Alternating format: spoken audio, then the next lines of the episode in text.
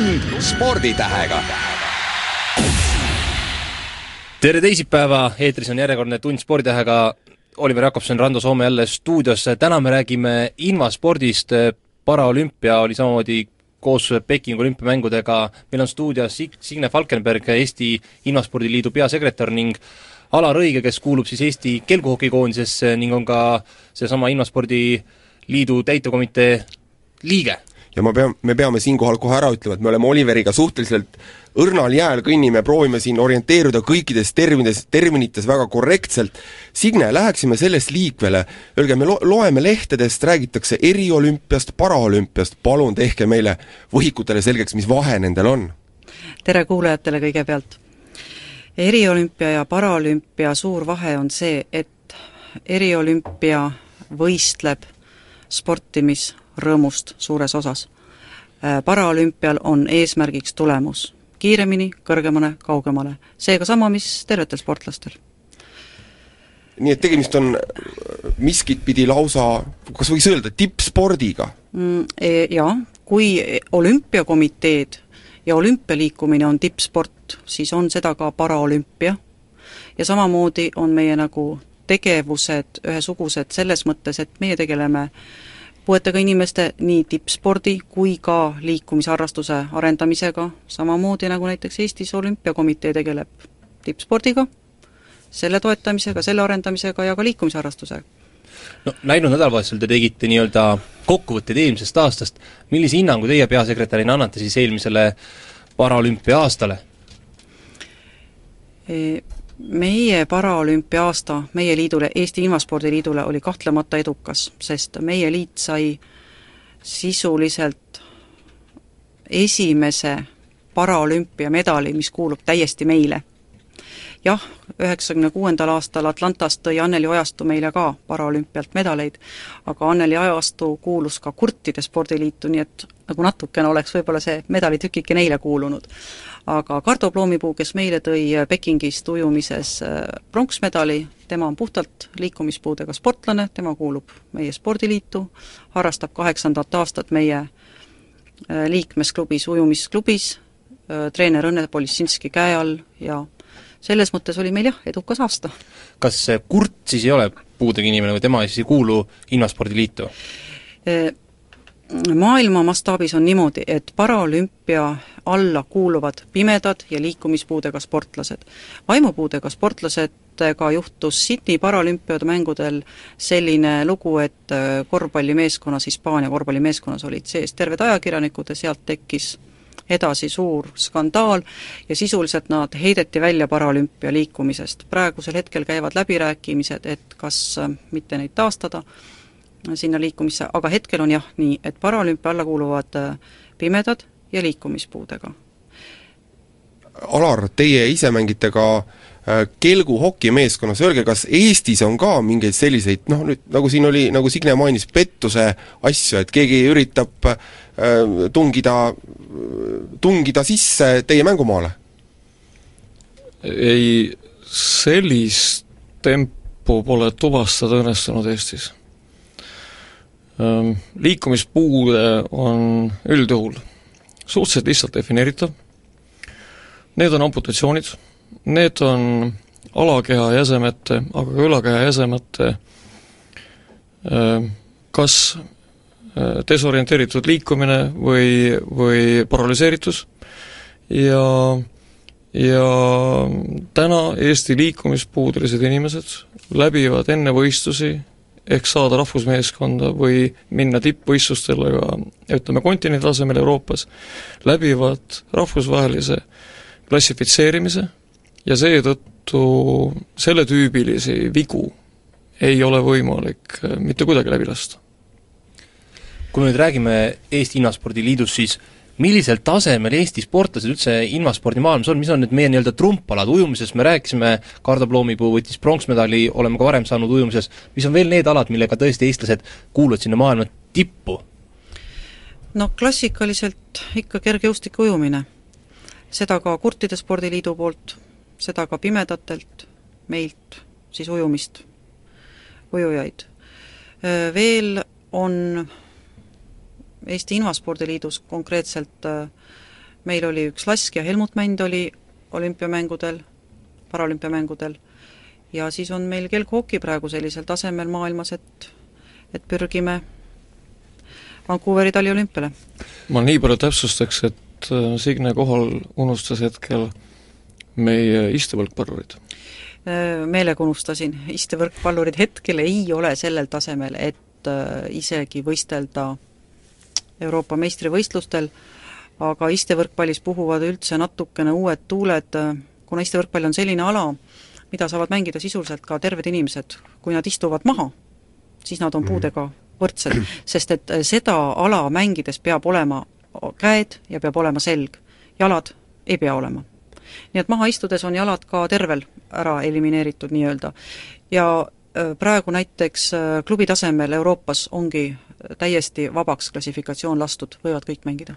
Kui, kui palju invaspordis reeglid muutuvad, me loeme siin, eks ju, tõstetakse võrke võrkpallis või noh, plaanitakse, siin on igasugust kolme punkti viskejoont korvpallis, kuidas, kuidas teil on, kas on ka mingeid selliseid radikaalseid uuendusi?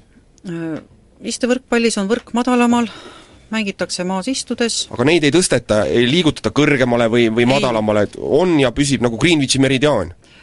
Te mõtlete nüüd võrku või mängijat? jah, võrku. Äh, naistel on võrk meeter ja viie sentimeetri kõrgusel, meestel meeter ja viisteist sentimeetrit, võrk on kogu mängu ajal ühel tasemel, mängijad? Jah, noh, ma pean seda silmas, et võib-olla jälle kuskil mingi rahvusvaheline organisatsioon võtab ei, vastu otsuse, et tõstame kümme sentimeetrit. ei, ei, ei, ei, ei, ei, ei, sellist asja ei ole. Mm, -hmm. ma ei ole küll kuulnud, minu, minu teada vähemalt viimased kakskümmend viis aastat on küll võrk samal kõrgusel, on nii kaua Eestis on mängitud istevõrkpalli ja reeglid on suures osas samad, mis on võrkpallireeglid.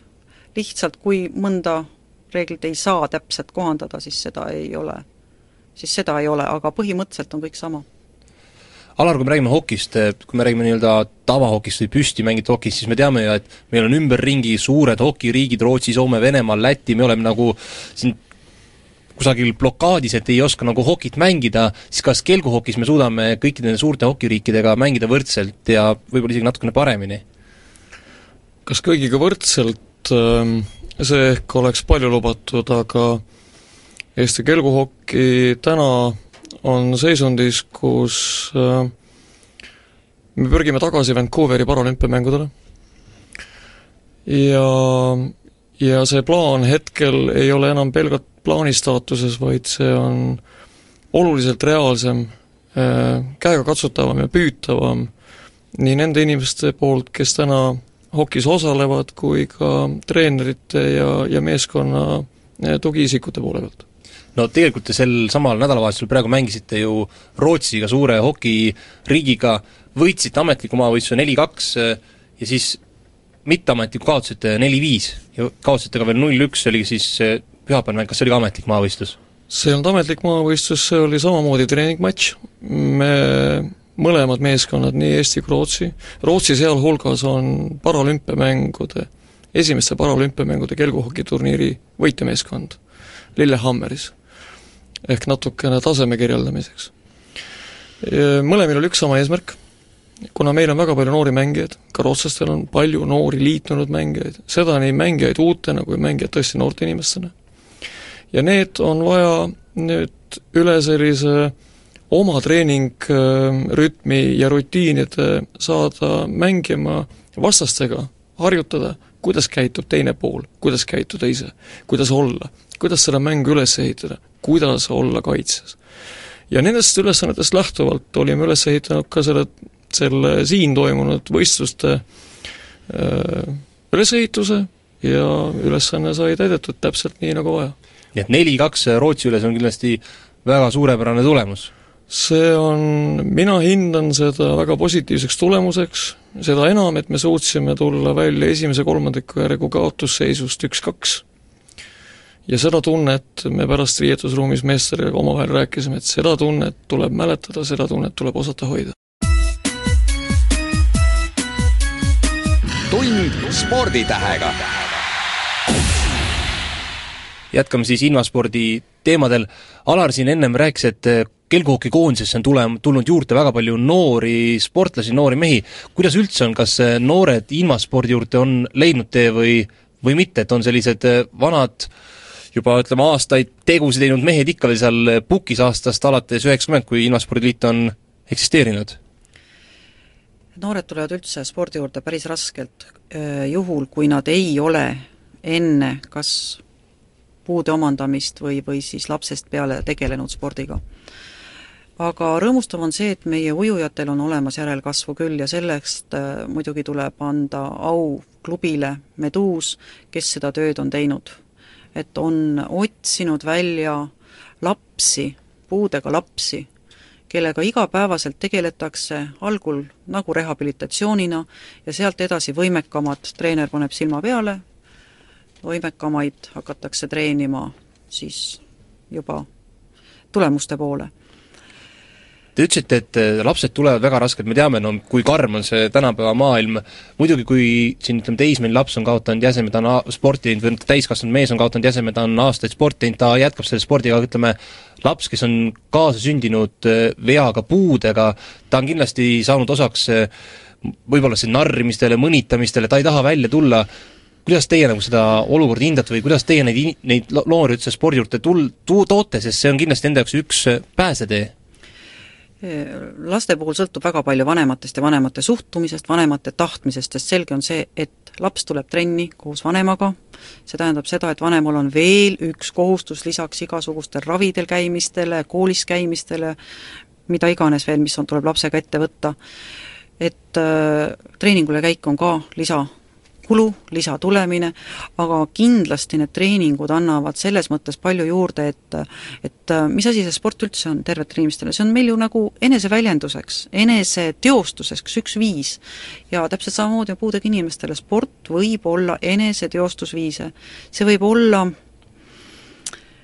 noh, näiteks kui sa ei saa tööl käia või sa ei saa ma ei oskagi kohe niisugust head näidet tuua, aga aga see võib olla ka mm, ühiskonda tagasipöördumiseks üks väga hea võimalus. kui sa oled äh, invaliidistunud, sul on juhtunud trauma, sa oled tegelenud ainult enda ravimisega, kuhugi maale jõudnud ja nüüd on vaja midagi eluga edasi minna. miks mitte kasutada sporti näiteks selleks, kas ma ei oska öelda, hüppelauaks või, või vahendiks kuidas nende vanemate suhtumine on, kas paljud vanemad suhtuvad ikkagi nii, et mul on puudega lapsi, hoiavad teda kusagil siis kümne luku taga või toovad nagu väga hea meelega lapsi sporti, otsivad neid võimalusi järjest rohkem, rohkem, rohkem? seinast seina seinast seinani inimesi on igasuguseid. Äh, ujumine näiteks kindlasti on üks selline asi, et kuna ujumist kasutatakse ka väga palju taastusravis ja, ja rehabilitatsioonis, siis ujumisesse on suhtumised suhteliselt positiivsed. aga näiteks äh, kui võtame kelguhoki, mis on ikkagi noh, tõeline meeste mäng, ega kelguokk ei erine selles mõttes jääokist. ikkagi jõhker, julm, vaatemänguline, feelingut pakkuv no Alar, Alar, teie, teie oskate sealt nii-öelda väljaku pealt rääkida, neid noori tuleb, eks, kas, kas kelguhokivõistkonnas on ka mingi sama, et noored tulevad, pannakse ma ei tea, litreid tassima või samasugune hierarhia kehtib? ei, kelguhokis kindlasti ei ole ei ole see nii, et, et kõigepealt tassid kaks aastat litreid, siis puhastad äh, kelku ja siis lubatakse ehk korraga jääle. vastupidi, meie taktika on ja käitumisviis on selline, et uh, ujuma kaldal ei õpita. mehed pannakse kelku, noored pannakse kelku, antakse kaikad kätte ja näidatakse ette, mismoodi tuleb enesele leida see üles hoog, füüsiline liikumine jääl ja sealt edasi juba litri valdamise meisterlikkus, visketehnika, mängutunnetus ja kõik nii edasi. Signele ma nii palju paranduseks ütlen, et kelguhoki ei ole jõhker mäng. Signel on õigus, kui ta ütleb, et kelguhoki on meeste mäng, aga jõhkrusest on asi kindlasti väga kaugel. see on esiteks reeglitega väga hästi seadustatud ja teiseks inimest mängijad ei hoia mitte ainult iseennast, vaid tegelikult hoitakse ka vastasvõistkonna mängijat nende kõige karmimate, kõige kõige brutaalsemate vigastuste ees, loomulikult vigastused on võimalikud, vigastused on võimalikud lõppude lõpuks ka kodus noekahvliga süües. Seda enam, mängides hokit, seal on teatud ohud olemas, aga kindlasti mitte ei ole tegu jõhkra mänguga ma kommenteerin võib-olla natuke, miks ma seda ütlesin, jõhker, et see tundub kõrvaltvaatajatele, kui ikkagi kaks kelku kokku põrkavad ja siis koos poorti sööstavad, siis see pauk on päris kõva. ja öö, olen oma kõrvaga kuulnud oma kõrval kommentaare, et oi appi, et nad lõhuvad ennast ära, no ei lõhu muidugi, kaitsmed on ju korralikud see olemas. on väline hirm. jaa, see, aga see väljast paistab niimoodi aga samas see on ju meeste mäng ja Mängud on see on, mängud. äh, ja mis on neid mehi minu meelest äh, praegu meie omasid kutsunud see kelgkooki juurde, see on just see, et sa saad ennast välja elada. kui need noored poisid sinna kelguhokitrenni tulevad, see, kindlasti see trenni tulemine on juba suur samm nende jaoks, siis kas sellist tagasihoidlikkust ja võib-olla seal uksepiida taga piilumist on alguses palju?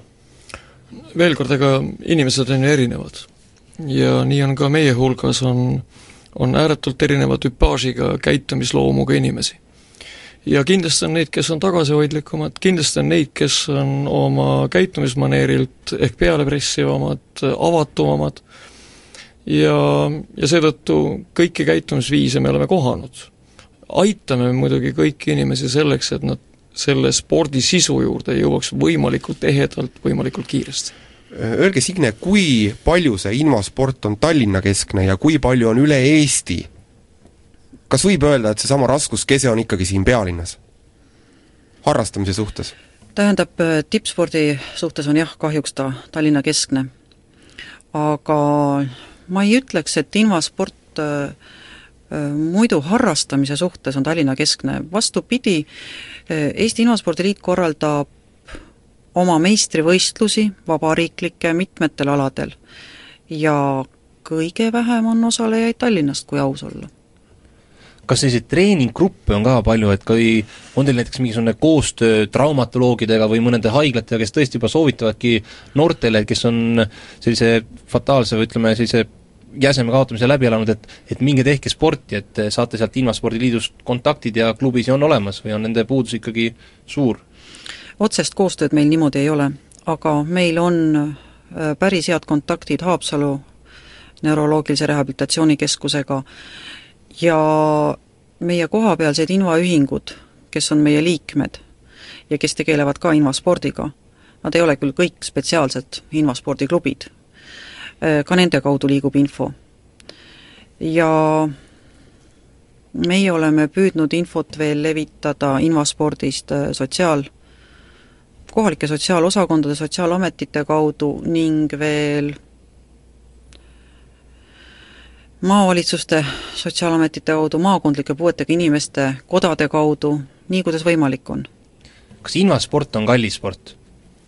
sama kallis kui tervete sport. no jäähoki me... näiteks. noh, me kasutame ju täpselt sedasama jääväljakut, mida terved kasutavad, me käime samas ujulas, ega me siis sellepärast odavamalt midagi ei saa No kui... ujumistrikoo maksab sama palju meile kui tervele. Kui kerge on saada invasporti sponsoreid, toetajaid, niisuguseid mõistvaid inimesi, kes, kes kes noh, oma rahakoti raudasid avavad? meelsasti. see on pideva, järjekindla ja, ja sageli ka sellise ennastunustava töö, töö tulemus. ta ei ole kerge, kindlasti ei ole ta võimatu, aga selle nimel tuleb teha enneolematult palju tööd ja ja meil on, loomulikult on meid raske võrrelda raha saamiste juures nende mastaapidega, mis on mida iganes, Eesti korvpallis, Eesti jalgpallis ehk ka kergejõustiku väga tublide ja väga äh, hakkajate meeste toetustiimidel või ka suusatajate juures, kindlasti ei ole ta võimatu. kohtate te sellist suhtumist, et eelkõige me paneme sinna kuskile Eesti suusakoondisele raha ja siis me vaatame, kas üle jääb veel eelarvest midagi? Need valikud on täna kõikidel toetusega tegelejatel ees ja ja, ja paraku kõigil on õigus ja kõigil on kohustus need valikud teha.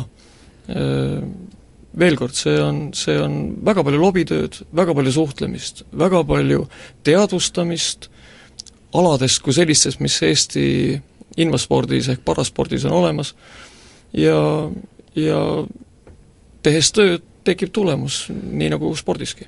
no mul on selline tunne alati olnud, et noh, need invasportlased, üldse invaliidid, kes eh, on, ütleme, igapäevaelus siin silmapildul, need on väga sellised püüdlikud inimesed, need lähevad vist ikka igast uksest läbi ja igast sellest eh, ma ei tea, nende jaoks ei ole, ütleme, piire, kas on ka nii, et te kindlasti olete ju, teie seas on inimesi, kes on väga headel töökohtadel, väga headel positsioonidel, et nemad siis oma taskust tõesti toetavad teid? ka omafinantseerimine on täiesti olemas nii, nii erinevatel aladel kui ka kui ka inimestel, kellel tänane elujärg ja töine toimetamine seda võimaldab.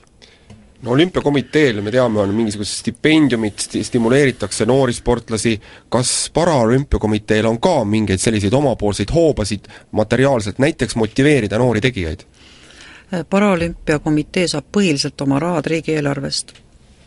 Ja neid jagatakse ka põhiliselt toetusteks välja spordiliitudele, ehk siis neljale spordiliidule, kes eh, kuuluvad Paraolümpiakomiteesse Need on siis Pimedate Spordiliit, Kurtide Spordiliit, Invaspordiliit, kes siis tegeleb liikumispuudelistega, ja Vaimupuudega Inimeste Spordiliit. Rahad, mida riigi poolt saadavad ja kasutatavad on, on tunduvalt väiksemad kui suured, suurtes spordis ja sisuliselt otsustatakse igal aastal erinevalt, et kuidas on aasta vajadused, kuidas me millegiga välja tuleme, kust on lootus sponsorlust juurde saada. et meil ei ole sellist kindlat süsteemi, et vot nii palju läheb nüüd noortespordile, nii palju stipendiumiteks, nii palju sellele või teisele alale, sest et kahjuks on need rahad ikkagi noh, noh niivõrd napid, et me püüame väga, väga läbi ajada niimoodi, et, et et peost kõigile, no peost suhu, sisuliselt peost suhu, lisaks me teeme juurde projektitaotlusi Hasartmängumaksu Nõukogule, Kultuurkapitalile, väga palju on aidanud Tallinna linn, Äh, Tallinna Spordi Noorsooamet meid, vähemalt meie spordiliitu. Äh, ja on ka sponsoreid, kes on juba mitmeid aastaid meid toetanud. Alar tahtis kiire, kiire, kiire kommentaar, jah. jah, tahtsin nii palju öelda, et valdavalt on äh, Invaspordi toetus tõesti projektipõhine. ja ja vaatamata sellele eksisteerib terve rida ettevõtteid, kellel on mitte ainult ärialane missioonitunnetus, vaid on ka ühiskondlik missioonitunnetus, EMT, Elion, Tallink ähm,, Tallinna Sadam, Sadam., Urmas Sõõrumaa ettevõtetest oleme saanud väga palju olulist ellujäämist võimaldavat tuge. Tund sporditähega. Tund spordiga jätkab, me räägime täna Invaspordist, meil on stuudios Signe Falkenberg ja Alar Õige, räägime olümpiamängudest, me rääkisime Pekingis, meil tuli sealt medal. et kui me nüüd räägime tal-, taliolümpiast kaks tuhat kümme, et siis taliolümpiaalasi on tunduvalt vähem kui suveolümpiaalasi, kas kelguhoki on ainuke, millega me võime seal nii-öelda tulemust looda-, oodata? praegu jah, on nii, et äh, taliolümpiale pürgib ainult Eesti kelguhokikoondis. meil ei ole teisi taliolümpia alade esindajaid hetkel. kas üldiselt, ütleme, enne olümpiamänge äh, on teil samamoodi, et püstitatakse mingid eesmärgid, me tahame tuua nii, nii, nii mitu medalit? Mm, me oleme ikkagi selles osas küll tegelikult väga ettevaatlikud. sest et äh, olümpia, paralümpiamängudel on konkurents väga tihe ja oma südames me võime loota üht ja teist, aga väljaütlemistes oleme siiski ettevaatlikud. küll eesmärgid püstitatakse, seda kindlasti ja, mitte, et et me läheme sinna ja vaatame, mis saab. kaugel sellest. eesmärgid on olemas, need eesmärgid on ka täna teada, mis Vancouver kaks tuhat kümme peaks Eesti kelguhokile tähendama lõpptulemusena ja ma küll julgen selle siinkohal välja öelda. medal on, tuleb? medal Vancouveri paralümpialt Eesti kelguhokile tõenäoliselt on püüdmatu. aga meie eesmärk on olla Vancouveri kaheksa paralümpiariigi seas kelguhokis kindlasti kuue sees. kui juhtub ime, meis endis, meie ümber ja me kasutame ära meile osaks langevad võimalused.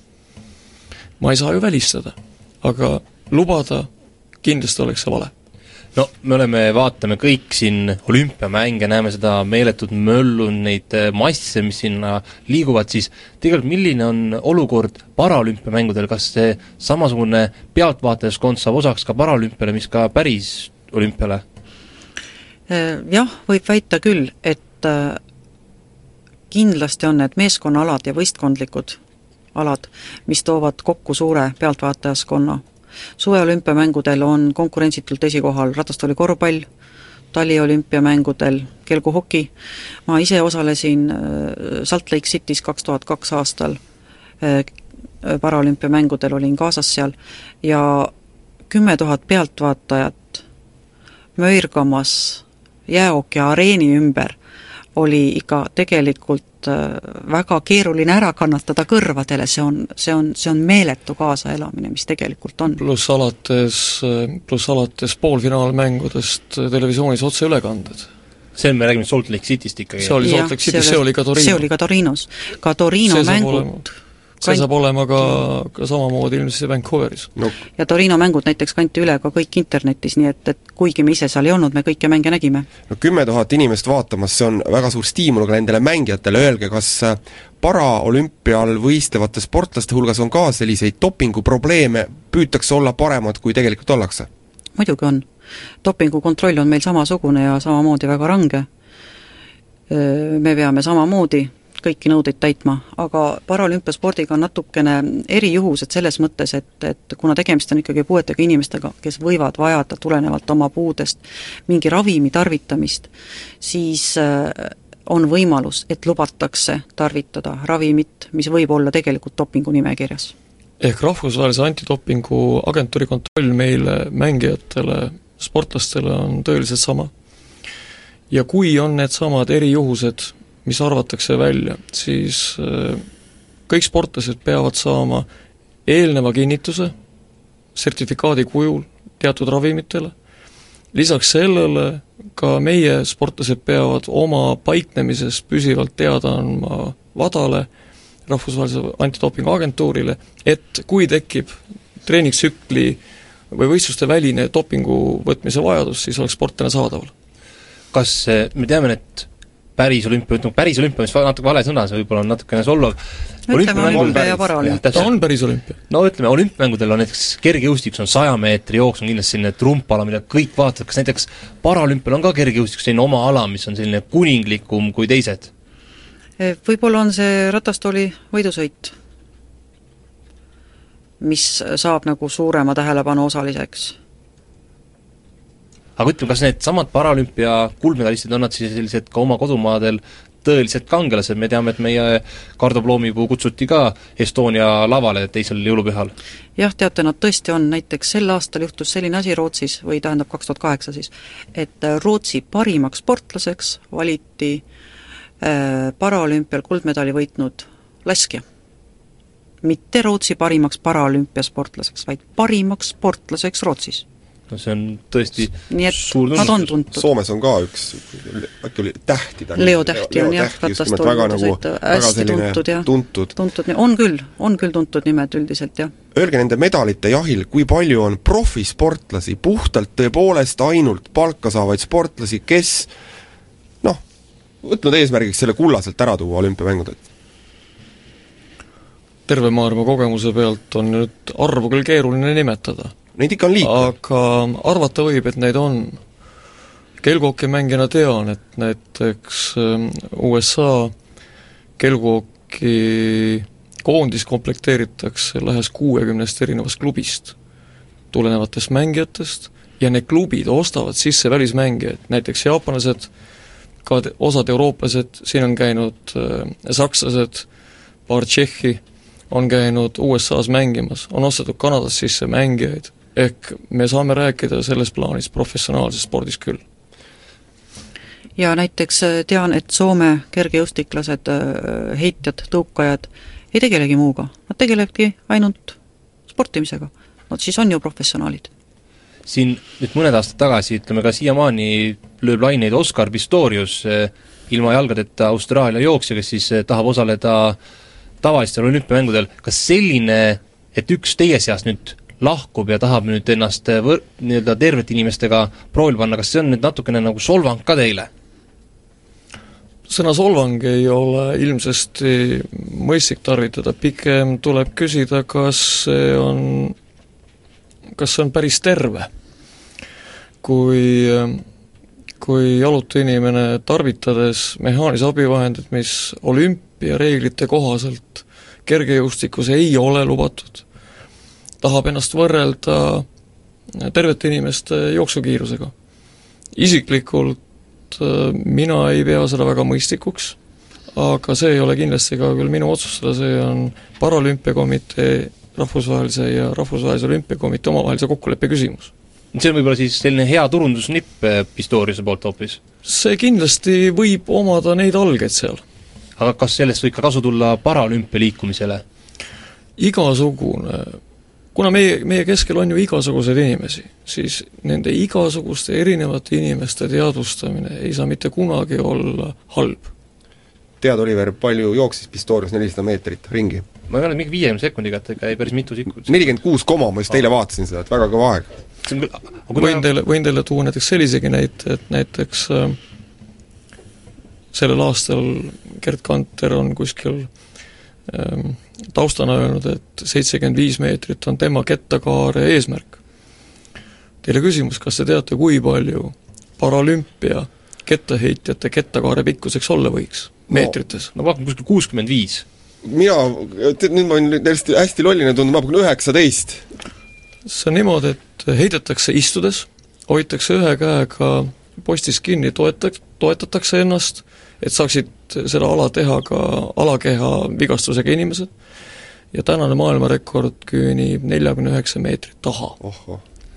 ja selle küsimuse esitas Are Eller, Eesti Paralümpiakomitee hing Gerd Kanterile kunagi, et, et et Gerd, kui sina istuksid näiteks tabureti peal ja prooviks põrutada sedasama täpselt sama kaalu olevat ketast sinna taha, et, et kas tuleb, jäi Gerd Kanter küll väga, väga mõtlikuks. tund sporditähega. jätkame ilmaspordi juttu. kui me Signe teiega selle jutuajamise siin kokku leppisime, siis te küsisite minu käest, et kas siia ratastooliga saab sisse, et kiitused Kuku raadiole, et saite siia ka ratastooliga kenasti sisse, aga näiteks käies täna hommikul trennis, jõusaal asub teisel korrusel, ma vaatasin kohe korralikult, no mitte mingit moodi ei saa ratastooli sinna ja kui ma hakkasin oma peas välja mõtlema neid erinevaid keskused, mis meil on siia rajatud, siis eh, ega tõesti, väga paljudes kohtades on need eh, võib-olla saalid, ujuladki kusagil üleval ja sinna ratastooliga väga ligi ei saa, et kuidas te treenite, et kas neid treeningpaiku, kus te saate treenida, jätkub ikka siin eh, Eestis ja Tallinnas? noh, eks tuleb iga kord üle vaadata, et kuidas see ligipääs on ja tõsi, ikka pooltes ei ole seda ligipääsu olemas. kuigi see on nüüd ehitusplaneerimisseadusega ikkagi nõutud. aga, aga eks need pooled ole ka need, mis on meil endistest aegadest pärit, spordirajatised. Uutes suhteliselt hästi on olemas see ligipääs kui palju näiteks noortel jääb äh, selle taha see sportimine, et noh, et ei ole jah, võib-olla ei pääse, kuskil kaugemal on see saal, et ma parem mängin näiteks kodus arvutimänge või mingit Playstationit? noh, see on rohkem ju suhtumise küsimus, et kas ma üritan spordisaali pääseda või ma, mul on lihtsam olla seal arvuti taga ja, või Playstationiga mängida, et kahjuks seda suhtumist on väga palju, et et arvuti taga on kergem. ja mõne, mõnes mõttes ma isegi mõistan seda, kui sul on see füüsiline liigutamine no niikuinii piiratud ja raske, siis on see ikkagi paras eneseületamine, et tulla välja ja saada aru, et üldse sinna jõuda, et saada aru, mida võiks tähendada kehaline liigutamine. kuid seda suurem, kinnitan Signe, olles ise liikumispuudeline, on siis saavutatud tulemusest saadav rahuldus? no seda tean ma ise väga hästi, sest ma ise harrastasin ähm, ratastoolitantsu ja ma jõudsin Euroopa meistrivõistlustel kuuendale kohale välja, see oli nagu minu tipptulemus ja ma neid feeling uid, mida andis osalemine võistlustel ja saavutatud tulemus, ma mäletan väga hästi. see loeb pikaks ajaks ikka hästi ja. positiivselt üles küll. Signe just ütles, et mina ka mõistan tegelikult neid, võib-olla neid noori, kellel on puud, on liikumispuuet tõepoolest hoopis lihtsam on mängida seal arvutis, nad on võib-olla seal IT-maailmas tõelised tegijad, Alar, teie ju ka tegelikult olete oma selle liik-, oma jala kaotanud niimoodi õnnetuse tagajärjel, et kui palju teil võttis aega, et välja tulla sellest ja ennast spordi juures teostada? no see, see pööre eneses oli, oli tegelikult päris raske ja pikk. see võttis ikkagi kuid aega ja see võib võtta aastaid aega see muuses. võib võtta ka aastaid aega, eks see ole igal, igal inimesel erinev. minu suurim päästja siin punktis kindlasti oli mul, mul abikaasa, kes aitas mul terve hulga muresid, aga võib-olla ka valehäbisid ja, ja sellist võltsi endast välja saada. Päris kiiresti ja ja ja eks see ole ka soovitus tegelikult kõikidele nendele inimestele, kellel elusaatus on kätte mänginud selle, mida, mida mitte keegi ei tahaks, et temaga juhtuks, et pea tuleb mõelda selgeks. Ja ja tuleb võtta vastu hääd otsused ja õiged hoiakud. Need ei ole kerged, aga need on alati olemas. ja on veel üks väga hea nõuanne, et äh, ei ole mõtet nutta taga seda, mida ei ole, vaid tuleb arendada seda, mis on ja mis on antud no see on no, võib-olla natukene tõesti karm, et kas on see, kas see võltshäbi, kas see on nüüd see kõige suurem mure, miks võib-olla tõesti noored ei, ei tulegi spordi juurde, ilmaspordi juurde? no, no vaata ei..., inimene kipub end ju võrdlema, eks ole. ja, ja kui see üldine tonaalsus või, või, või välja pakutu on ikkagi olla kõige ilusam või, või kõige tugevam või kõige kiirem ja kui sa eneses oled, oled tõkke taga, eks ole, et sa paraku seda olla ei saa, siis siis ma usun, et see on päris paljudel juhtudel suurimaks takistusteguriks, ehk inimese enda sees, mitte temast väljaspool tegelikult tuleb mõelda ikkagi enda selge, enda sees selgeks see, et no mis ma siis nüüd tahan, kas ma tahangi olla siis jäädagi kuhugi nurka konutama või, või tahan ma ikkagi elust saada osa nii palju, kui minul seda võimalik on. seda ma tean oma näite pealt öelda, et äh, mul oma tütar, üheteistaastane, on küsinud, et et noh, kuule, kõik vaatavad meid, et me siin tooliga oleme, ma ütlesin, et aga tead, mind see ei huvita, ma tahan ju ka ma tahan ju ka osaleda, ma tahan ise teha, mul ei ole vaja, et minu eest kõik ära tehakse, et ja ja see, kui nad vaatavad, no las nad vaatavad, ükskord vaatavad, noh teinekord veel vaatavad, rohkem ei vaata, sest said juba teada.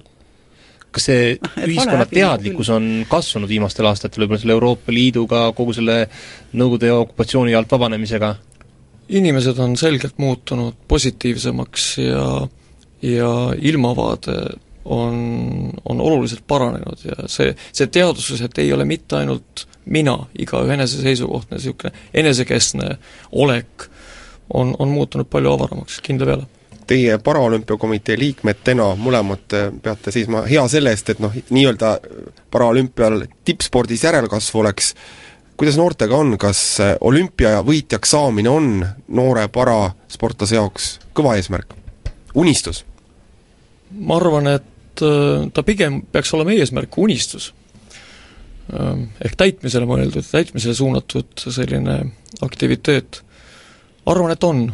Äh, pigem võiks täna esitada üleskutse, et äh, need noored, kes, kes on liikumispuudelistena klassifitseeritavad või, või tunnistatavad võimelisteks osalema spordis, seda igal juhul teeksid. kas see on siis ainult Eesti tasemel see kindlasti peab olema vähemalt iseenda jaoks. füüsiline liikumine aitab hoida pea, mõtted värsked ja õiged. kui tuleb sellest noorest inimesest tippsportlane, uskuge mind, Eestis on olemas need inimesed, need toetajad, kes on nõus panema alla õla, metoodika, treeningmetoodika, kõik kui, kui palju on, ütleme, noh, ütleme Eesti koondis on ilmselt see, kuhu püritakse ähm,, kas on raske pääseda Eesti koondisse nendel aladel, mis, mida te haldate?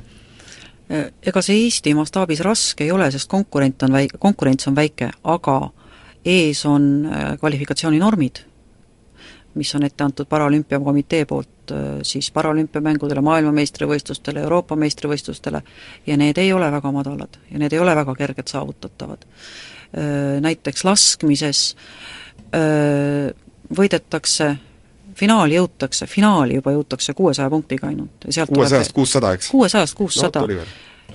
vot nii, vot kus see võimalik on, eks ole. ja, ja finaalis tuleb ju ka veel võistelda edasi, eks ole. et äh, see ei ole kerge, tulemused on väga kõrged ja tööd tuleb teha. ja tihti näiteks laskmise koha pealt tundubki nii, et äh, meil nagu niisuguseid äh, rahvaspordi tasemel laskjaid oleks, aga neid, kes tahaksid teha seda meeletut treeningtööd, et oma tulemust tõsta, et midagi saavutada, neid on vähe. mitte ühelgi alal ei sünni tulemus ilma tööta, töö, töö ja paraku ainult töö ja tohutu tahe. näiteks Kardogi käib ju kuus päeva nädalas trennis, mõni päev isegi kaks korda. ja ta on ju selgelt välja öelnud oma eesmärgid praegu Londoni paralümpiaks, ta ütles seda nädal peale Pekingit, et nüüd on eesmärk London. Ja kuldmedal? noh, no vähemalt ta nii vist ei öelnud, aga ta ütles, et säravam medal. defineeritagu medal. mis on nüüd järgmised eh, suurvõistlused, mis eh, Invaspordiliidul ees seisab, kuhu te oma delegatsiooni peate lähetama? Äh, märtsikuus kelguhoki B-divisjoni maailmameistrivõistlused, kust tuleb meil, meie meeskonnal jõuda esimese kahe hulka, et pääseda paralümpiamängude äh, kvalifikatsiooniturniirile, mis toimub äh, umbes oktoober-november kaks tuhat üheksa paraolümpiamängude populaarsuse tõusust räägib kas või ütleme see fakt, et et Pekingis oli moraalse toena teil, teil kaasas presidendiproua Evelin Ilves, et ma arvan, see oli väga selline jõuline signaal teie toetuseks. see oli äärmiselt tore, et see nii juhtus ja toimuma sai ja minu meelest oli veel, veel toredam see, et kas on ennem nii olnud, et äh, olümpiamängudel autasustab eestlane eestlast? See oli juhus, et juhtus nii, et äh, proua Ilvesele pakuti võimalust autasustada ühte ala ja see oli ka täiesti juhus, et selleks sattus just nimelt saja meetri selili ujumine, kus meie Kardo ujus, ja, ja noh, see nüüd kindlasti ei olnud juhus, et, et Kardo medali seal sai see oli meie poolt ikka planeeritud või Kardo poolt. juhus on alati tugevamate poolel. kas neid, loodame, et neid juhuseid on siis Invaspordi liidus järjest rohkem ja rohkem ja, ja positiivseid me soovime teile jõudu ja jaksu, suur tänu teile siit tulemast, kallid kuulajad, nüüd raadiolid sisse, siis meie õhtune kordus on eetris kell kaheksa ja kuulmiseni jälle nädala pärast. tund sporditähega